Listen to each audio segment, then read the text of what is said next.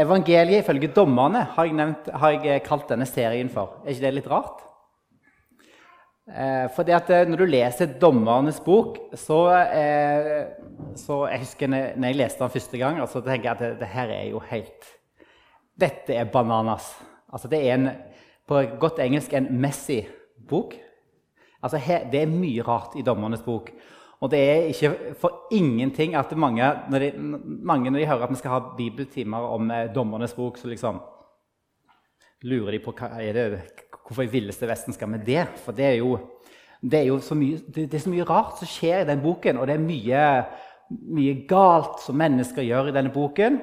Og heltene de blir bare verre og verre, de òg. Så de som vi skal tro var heltene, de, de går òg bananas, for å si det godt, på godt norsk. Men det som er litt sånn det som gjør boken litt interessant, er at du må ikke bare lese boken som en bok om alle disse galningene som vi finner utover i boken. Men du må lese boken som en bok òg om oss. For når du tenker deg litt om, så er jo vi òg blant de der galningene, er vi ikke det? I mer eller mindre grad. Snakk for deg sjøl, var det noen som sa det? Eller på, på seg sjøl kjenner en andre.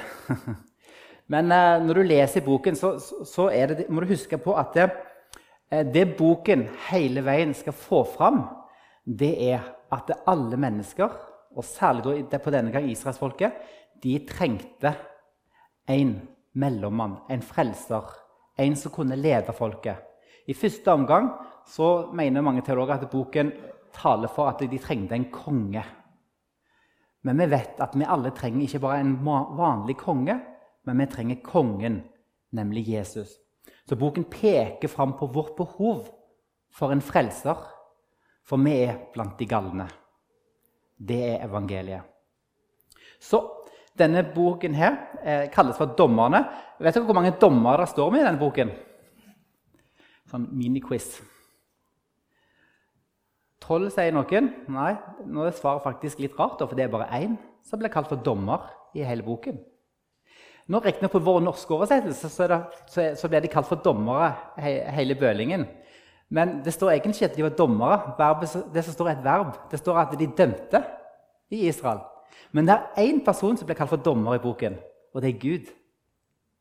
Så det er litt verdt å ta med seg at det peker mot at de trenger en dommer. Ikke av en sånn art som er mennesker er, men den, den dommer Gud er.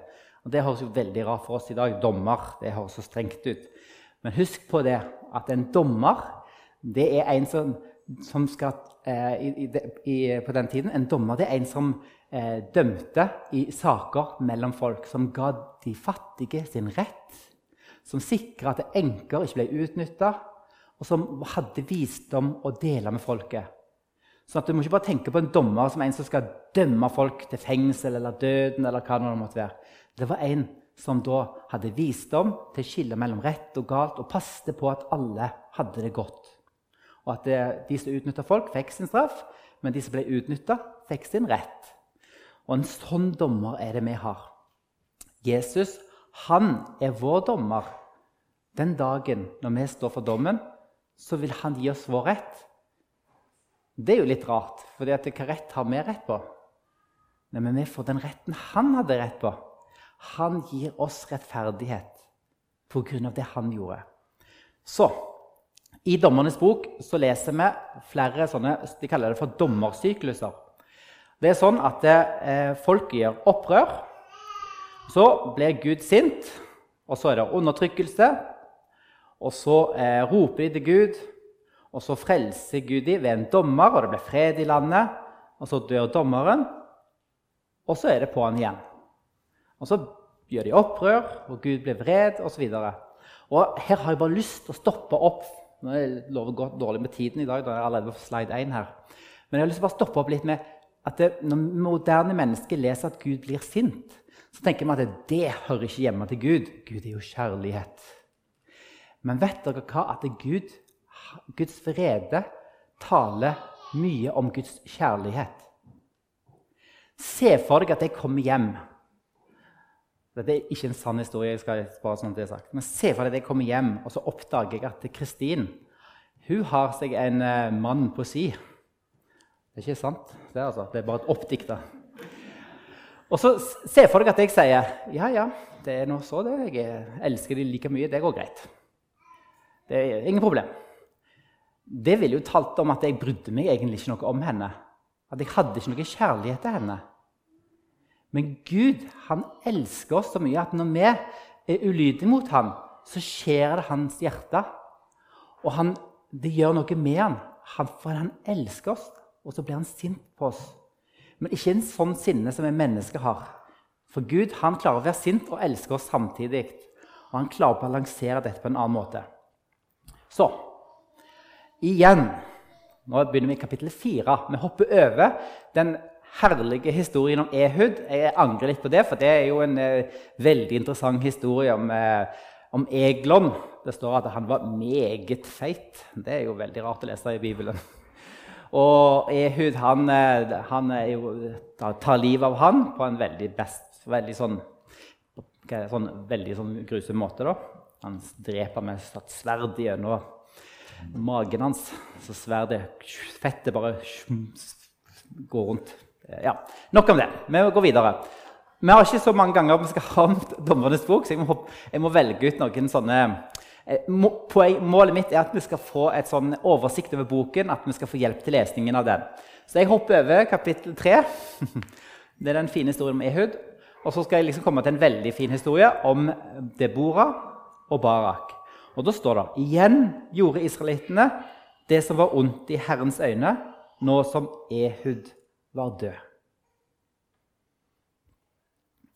Og det er mange som sier at denne boken, Dommernes bok, passer veldig godt til vår tid. Grunnen til de sier det, det er at de kjenner igjen det som står der. Eh, eller noe som er tilsvarende det. For det står at de gjorde det som var ondt i Herrens øyne.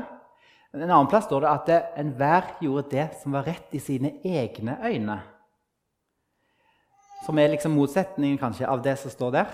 At enhver gjorde det som var ondt i Herrens øyne. Og Sånn er det kanskje litt med, med mennesker. Vi gjør det som vi mener er rett, og vi liksom bestemmer. Og eh, Det Dommernes bok viser oss, er at eh, når vi er vår herre i vårt eget liv og ikke, ikke følger Guds ord, så får det konsekvenser. For Israelsfolket gikk det veldig dårlig. Så, men er dette en bok for vår tid? Ja. Men jeg sier det er en, det er en bok for alle tider. For menneskenaturen er den samme alltid. Så det passer alltid å lese Dommernes bok.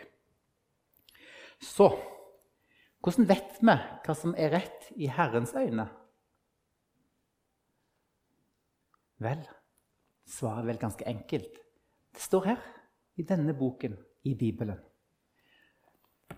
Så leser vi Herren ga dem i hendene på kanaderkongen Jabin, som regjerte i Hassor Hærføreren hans var Sisera, som holdt til i Haroshet Hagojim. Jeg tror jeg uttalte det rett. De sier at hvis du uttaler noe, noe sånn hebraisk ord, så skal du bare uttale det med selvtillit, så tror alle det er rett. Du, nå skal vi få litt geografi. Dette, her, her ser dere Israelslandet. Det er liksom sånn det ble etter hvert. Og der Her var det han holdt til, han her. Eh, han her eh, kananerkongen eh, Jabin. Og Det som er litt spesielt når vi kommer til kapittel 4, eh, det er at eh, når israelsfolket gjorde noe galt, så fikk de motstand. Altså, De gjorde opprør, og så fikk de altså fiender som eh, undertrykte dem. Og eh, det som er da, er at når vi leser i eh, kapittel 3, så er det først Otniel er den første dommeren. Og når han regjerte, så fikk de altså motstand fra Mesopotamia, eller Kushan eller hva heter det ja, Jeg husker ikke det. Det står der Aram Nahaya Rajim. Ja, dere skjønner. Mesopotamia, oppi der. Der kom første motstand fra en som heter Kushan Risha Tajim. Det betyr egentlig 'den onde onde'. Så det er litt rart. Han var sikkert ikke særlig god, for å si det sånn. Eh, og så klarte Åttende gjeld da å slå tilbake dette opprøret. da. Eh, og så fikk de etterpå motstand av kong Eglon. Han var en moabit. Da er vi liksom nedi der. Og så er det det korteste beskrivelsen av en dommer i hele dommerens bok. Det er av Shamgar. Og han, han, eh, han måtte hanske med filistene. Så nå er vi liksom på den sida der, sånn cirka. Og det som er greia nå, da, det er at eh, all den motstanden her var liksom du ser, Folket var omringa av eh, fiender. Og så kommer de liksom fra den ene sida og den andre sida og angriper landet. Og hele veien så går syklusen. Gud sender en dommer for å berge dem. Og, eh, og det eh, går jo sånn at det er litt opp og ned med landet. Hver syklus så går det liksom, ordner det seg, men det blir bare verre og verre utover boken. Så du, hvis du har lest nå kapittel 4 og 5 og syns det er gale, så blir det bare, jeg lover, meg, jeg lover deg, det blir bare verre og verre. Og Hvis det skal være sånn aldersgrense på denne boken, hvis jeg hadde lagt film av den og vært tro mot boken, så hadde det vært minst 18-årsgrense av flere grunner. Så kommer jeg tilbake til det. Ok. Eh, så Det som skjer nå, i, den, i kapittel 4 og 5, det er at det er en litt ny situasjon. For nå plutselig er ikke motstanden fra utenfra landet, altså fra Edom eller fra Mesopotamia eller filistene. Men nå kommer motstanden blant folk som bor midt iblant de, kananeerne. Det var de folket som Israelsfolket skulle drive ut av landet når de inntok landet. Men så gjorde de ikke det. da. De syntes at det var, de trodde ikke helt at det ville funke helt, så de gjorde noen kompromiss. Så eh, dette gjorde at de fikk mye trøbbel, israelsfolket. Hva var det som var gale med kanoneerne? Kunne ikke de bare være venner? Du vet at Det er ikke det, at Gud ville utrydde det folket. Husk på det at eh, når de skulle innta eh, denne palmebyen Hva heter den? Jeriko. Så eh, var det jo ei, dame der som var prostituert, men som hjalp israelsfolket. Og, og hun vendte seg om til jødedommen og ble da en viktig person i historien til Israel. Sånn det, det var ikke det at, det, at det, var det folket de skulle utrydde, men det var den kananeske troen som var ganske ille. Og nå snakker vi om barnedrap. De heiv de gjennom ilden, som de sier. Vi snakker om eh, prostitusjon i templene. Vi snakker om ganske mye ille ting. Det var ille. Og Hvis vi mennesker i dag syns det var ille å lese om at de skulle utrydde folket, så syns ikke kanoneerne sjøl det. For Vi leste jo i kapittel 1 om han der kongen som mista tommeltottene og stortøene. Han syntes det bare var helt rettferdig, for han hadde gjort mye verre enn det. Så Det, var, det som var problemet med kanoneerne, det var at de lokte folket til fall. Fordi at det, liksom, eh, De eh, trodde jo på noen litt andre ting. Og så var det ikke det at israelsfolket sa at ja, det der var litt interessant med den der Baal-guden som dere dyrker. Jeg tror heller jeg har lyst til å bli Baal-dyrker. Det var ikke sånn det fungerte. Nei, nei. Det var sånn. Ja, nei, jeg er jøde. Jeg, jeg, eh, min, jeg tror på Jave. Men det er litt interessant det med han der Baal som du dyrker. Så jeg, jeg tror jeg tror litt på det òg, jeg. Og så blanda de det inn med det de trodde på. Og det, det, som ikke kom til rekke i denne serien, det er å ta de siste kapitlene i Dommernes bok. Litt av grunnen til at det er jo helt, det, Da blir det ille. Altså, jeg vet ikke hvordan jeg skal klare å tale over den teksten engang. Men jeg tror at de siste kapitlene fra kapittel 17 og utover er tatt med for å vise oss hvordan livet var i Israel på den tiden. Og der I kapittel 17 så leser vi om en, eh, en prest, en levitt, som vandrer opp for å finne seg en plass å bo. Og så finner han et hus da, der, der, der, de har eh, Der de eh, har sånt, bygd opp et sånt alter, og de har eh, noen bild, gudebilder som de har bygd. Så, når de får ser at det kommer en prest, en levitt, så blir de så glad. For da kan han tjene som prest for dem. Og da ser du de dyrka Jave, og de dyrka Baal. De dyrka disse avgudene, og de miksa. Og det er litt sånn kanskje vi må være litt vokte oss for oss, vi òg i dag. Vi dyrker Gud, himmelen og jorden skaper, Jave. Men har vi noen avguder, vi òg, som vi må luke ut? Hva er avgudene vi har i dag? Makt, penger, sex, pornografi. Hva er avgudene våre som vi dyrke på siden av vår tro. vi må rive ned altrene, vi òg. Boken gjelder oss. Vi skal være trofast mot Gud. Så Israelittene de gjør det de pleier å gjøre. De ropte til Herren. Og det å rope til Herren det er ikke noe sånn, det er ikke, bare, det er ikke snakk om bare volum, men her er det snakk om nød. De hadde nød, og de var virkelig ille ute. Så ropte de til Herren, for Jabin hadde 900 jernvogner. Og han undertrykte israelittene med makt i 20 år. Kan du tenke deg 20 år? Du, jernvogner ja, Se for meg det ser noe sånn ut. Dere ser på det bildet der at det er, ofte var det én eller to hester. Og så var det en vogn laget enten av tre eller jern.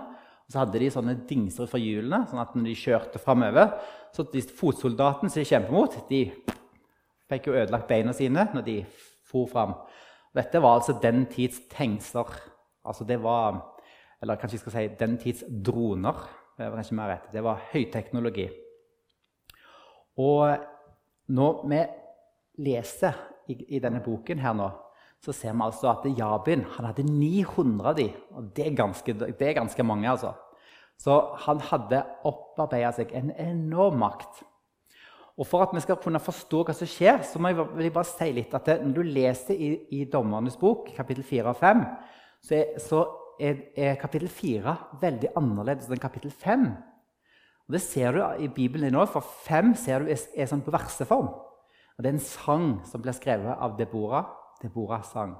Og de to, kapittel 4 og kapittel 5, utfyller hverandre. For vi vil se, og jeg skal ta litt sånn parallelt i denne talen her, men vi vil se at det, kapittel 4 forteller historien.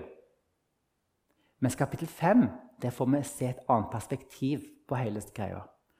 Og her ser dere noe fra kapittel 5.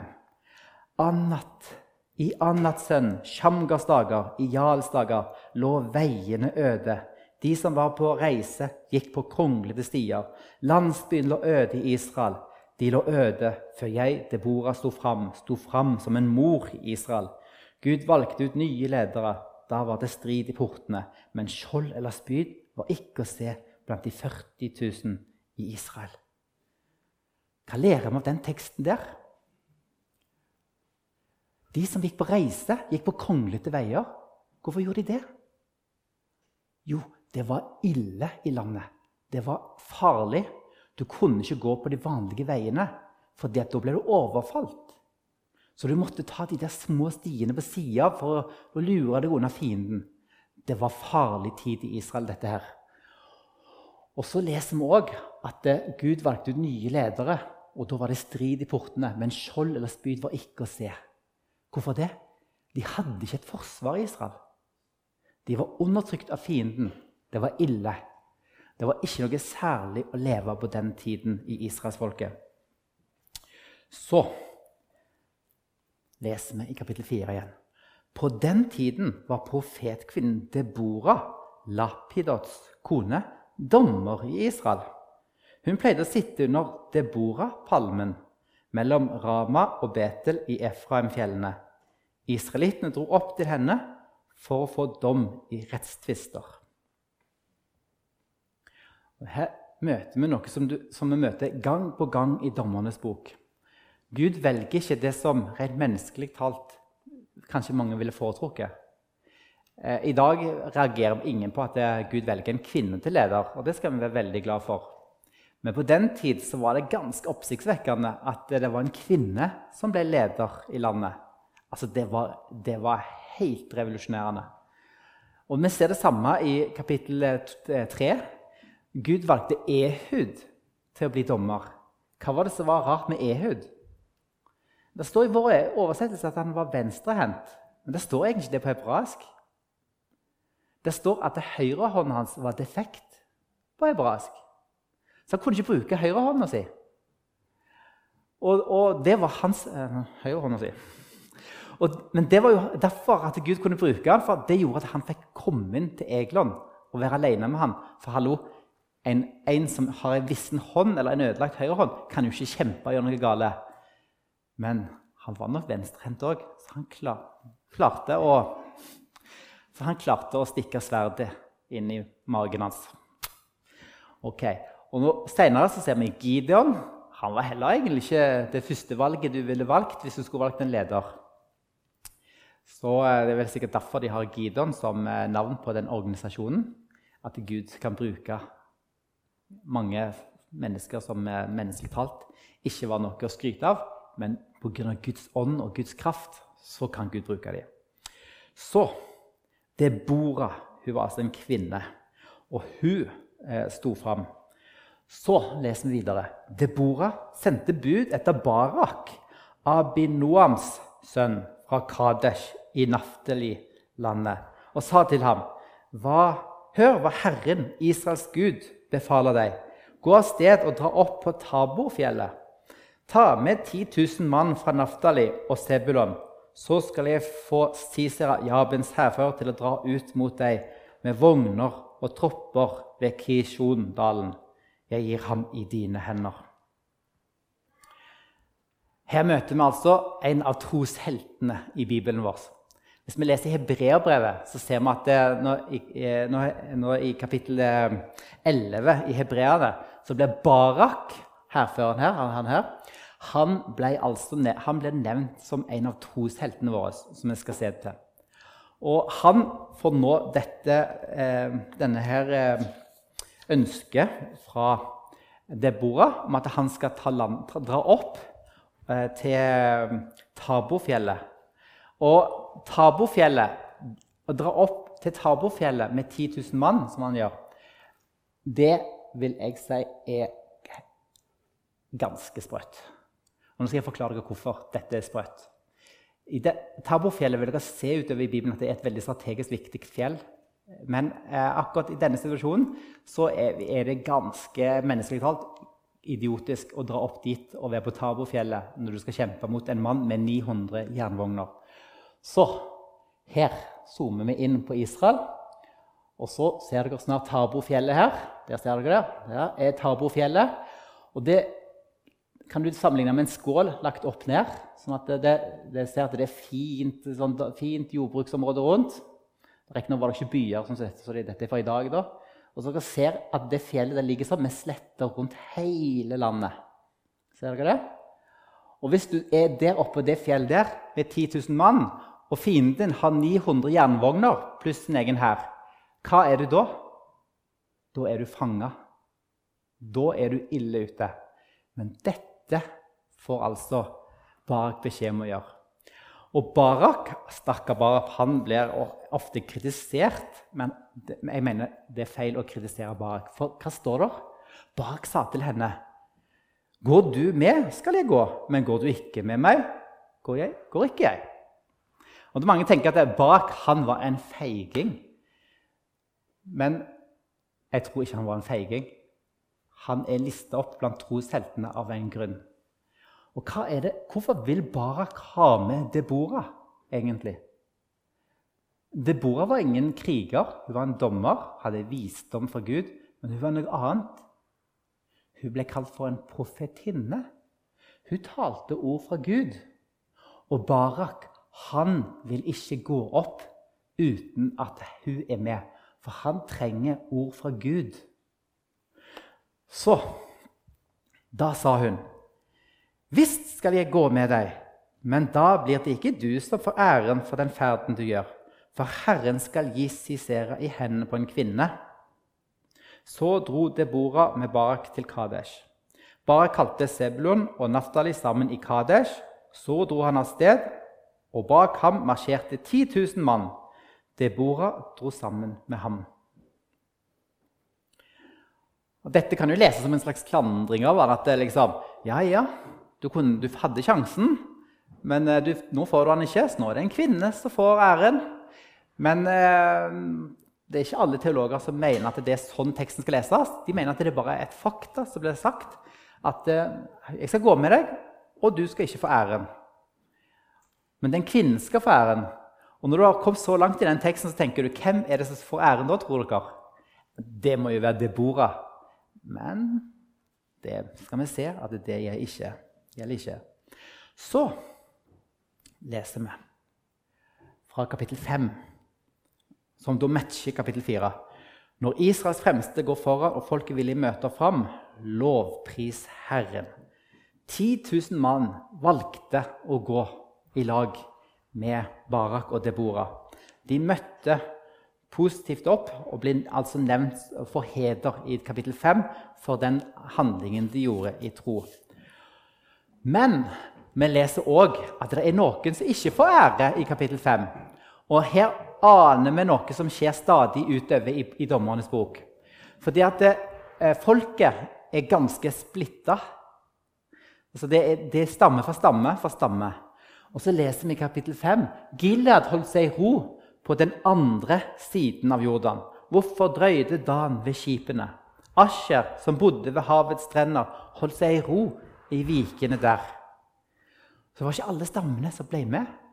Og Seinere vil vi se utover i Dommernes bok at dette ble ikke sett på med særlig blide øyne.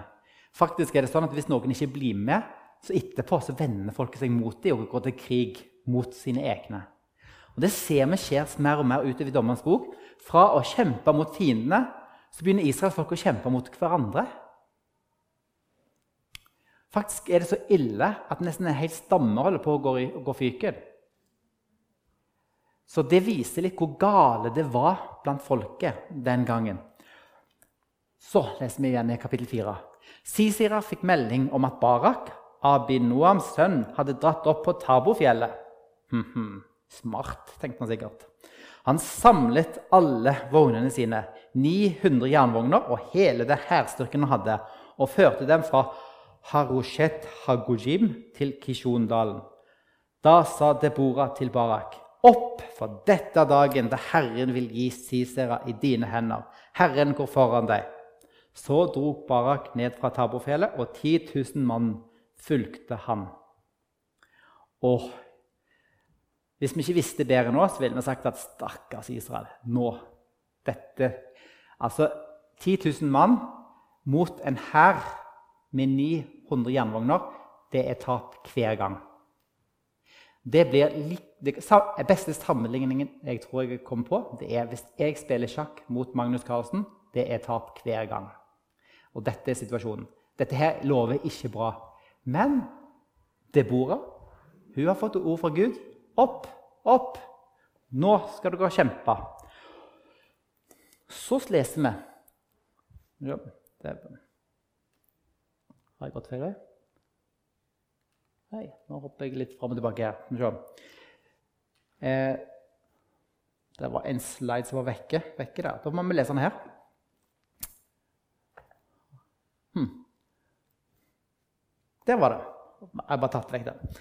Da Barak gikk til angrep, leser vi, slo Herren Sisera og alle stridsvognene hans og hele hæren hans med forvirring. Sisera steg ned av vognene og flyktet til fots, men Barak satte etter vognene, og hæren helt til Haroshet Hagojim. Hele hæren til Sisera falt for sverdet. Ikke en eneste ble tilbake. Hva skjedde? Kapittel 4 gir egentlig ikke svar på det. Vi ser ikke hva som skjedde. Vi ser bare at de vant en seier, og at Sisera måtte flykte. Det er litt artig å lese, for det, ofte er det sånn med oss òg. Det er vanskelig å se Gud handle i våre liv. Men det gjelder å ha et kapittel 5-perspektiv på livet vårt. Og I kapittel 5 i Deborah sang får vi svaret på hva som skjedde men når vi leser bare kapittel 4 og bare ser historien, så, så, skjønner vi ikke hva som skjer. Men se hva som står i kapittel 5. Da Herren dro Herre, da du dro ut fra Seir og steg ned fra marken Edom, da ristet jorden. Dråper falt fra himmelen, vanndråper falt fra skyene. Lenge før de gikk til kamp, handla Gud. Hva gjorde han? Jo Jeg vet ikke om dere klarer å se det bildet et bilde bak her. det har litt mørk bakgrunn. Men oppe i Edom der er det en fjellkjede som går på andre sida, på sida av, av eh, Jordandalen. Og eh, i, i eh, Seir Seir det er en av disse fjelltoppene, ikke langt ifra eh, dagens Petra. Litt lenger større enn Petra, da, hvis noen har hørt om det. Petra det er ikke et band jeg mener nå, det er altså plass i Jordan med masse sånne fine sånne uthogninger. Og oppi det fjellområdet der, der ordnet Gud det sånn at det, ble skyet skyer, og skyene ble regntunge, og det begynte å regne. Og regnet Og sannsynligvis var ikke dette tiden for regn, men regnet det regnte som bare juling. Og i kapittel 5 så leser vi videre um, Fra himmelen kjempet stjernene. Fra sine baner kjempet de mot Sisera. Kijon-elven drev dem bort. Den eldgamle elven, Kishon-elven. Gå fram, min sjel, med styrke. Da dundret det av hestehover og hingster i galopp i galopp. Og Det som skjer her, det er at det, her er de fjellene jeg snakket om. disse her. Og her er den plassen, Taborfjellet. Og Der er det en elv. Og det begynte å regne, og det regnet så mye at den elven gikk over sine bredder og oversvømte dalen, sånn at det ble fuktig overalt. Og det er ikke særlig gunstig hvis du har jernvogner. Hva skjedde med jernvognene? De kjørte seg fast i gjørma, hele gjengen. Så Derfor så står det at eh, Kishon-elven rev dem bort. Den elgende elven, Kishon-elven. Så Gud ordnet det sånn at de ble satt ut. Så Jernvognene funka ikke lenger. De bare sto der i gjørma og var helt ubrukelige. Og folk flykta. Og så drepte de Herren, men Cicera, han slapp første omgang unna. Og Det er jo òg en veldig spesiell historie. da. Og Jeg skal bare lese for dere det som står. Det står kapittel, 17, vers 4, eh, kapittel 4, vers 17. Og Der står det Cicera selv flyktet til fots til teltet som Jael, kenitten Hebers kone, hadde. For det rådde fred mellom Jabin, kongen i Hasor, og kenitten Hebers slekt. Jarl gikk ut og møtte Sisera. 'Kom inn, herre, kom inn til meg', sa hun. 'Vær ikke redd.' Han kom inn i teltet til henne, og hun dekket over ham med teppe. Han ba henne, 'Gi meg litt vann å drikke, jeg er så tørst.' Hun åpnet en skinnflaske med melk, lot han få drikke og dekket over ham igjen. Så sa han til henne, Stå i teltåpningen. Kommer det en og spør om det er noen her, skal du svare nei. Jarl Hebers kone grep en teltplugg hm, og tok en hammer i hånden. Så gikk hun stille inn til ham, slo pluggen gjennom tinningen på ham, så den gikk ned i jorden. Han hadde ligget utmattet og sovet, og slik døde han. I det samme kom Barak, som fulgte Sisera. Ja, like ut for å møte ham, hun sa, 'Kom, så skal jeg vise deg mannen du leter etter.' Han fulgte henne, og se, der lå Sisera død med teltpluggen gjennom tinningen. Herlig historie. Miriam, har, har den har dere ikke brukt på søndagsskolen? Nei. Um, det, er litt, det er jo litt sånn spesielt. Fordi at det, eh, hun her eh, Jael hun ble også sunget om i denne sangen. De eh, Velsignet blant kvinner er Jael, kenitten Hebers kone. Velsignet blant kvinner som bor i telt. Han bar vann, hun gav han melk. Hun kom med rømme i en praktfull skål.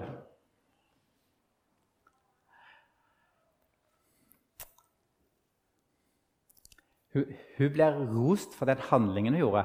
Nå er det sånn at det, eh, denne teltpluggen og dette, det, var, det, var, eh, det var jo en sånn eh, ordning mellom, fordeling mellom arbeidsoppgaver blant menn og kvinner. Det var kvinnene det var de som måtte sette opp teltet. Eh, og derfor så Teltpluggen og alt det her visste hun godt om. Hammeren så hun ja, visste hva hun drev på med.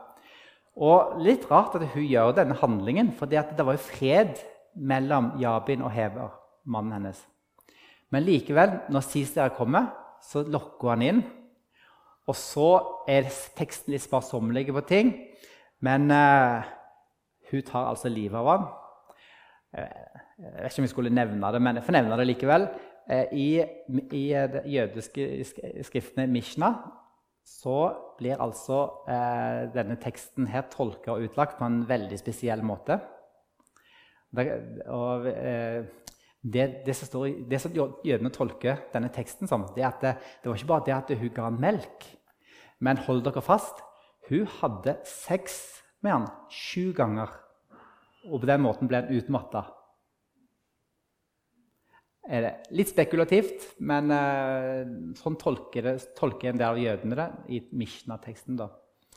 Så Hvis dere vil hjem og google det, så kan dere google på Jarls 7. Sisteras 7, tror jeg dette. Og, men uansett så eh, tror jeg at det er litt spekulativt. Eh, det kommer litt av det som står i den teksten der. Eh, nei, det står i den teksten litt senere der står at, eh, at hun bøyde seg ned. Og så tolker de det litt sånn. Ja, dere vet. Så, eh, så, så uansett Hun ga han altså melk istedenfor vann å drikke.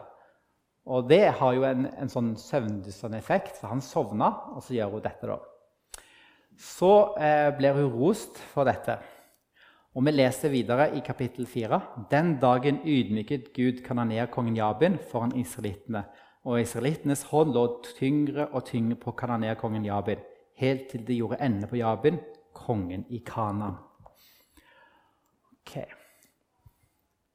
Hvis dere lurer litt mer på hvordan det var med israelittene, så kan dere lese kapittel 5 og vers 30.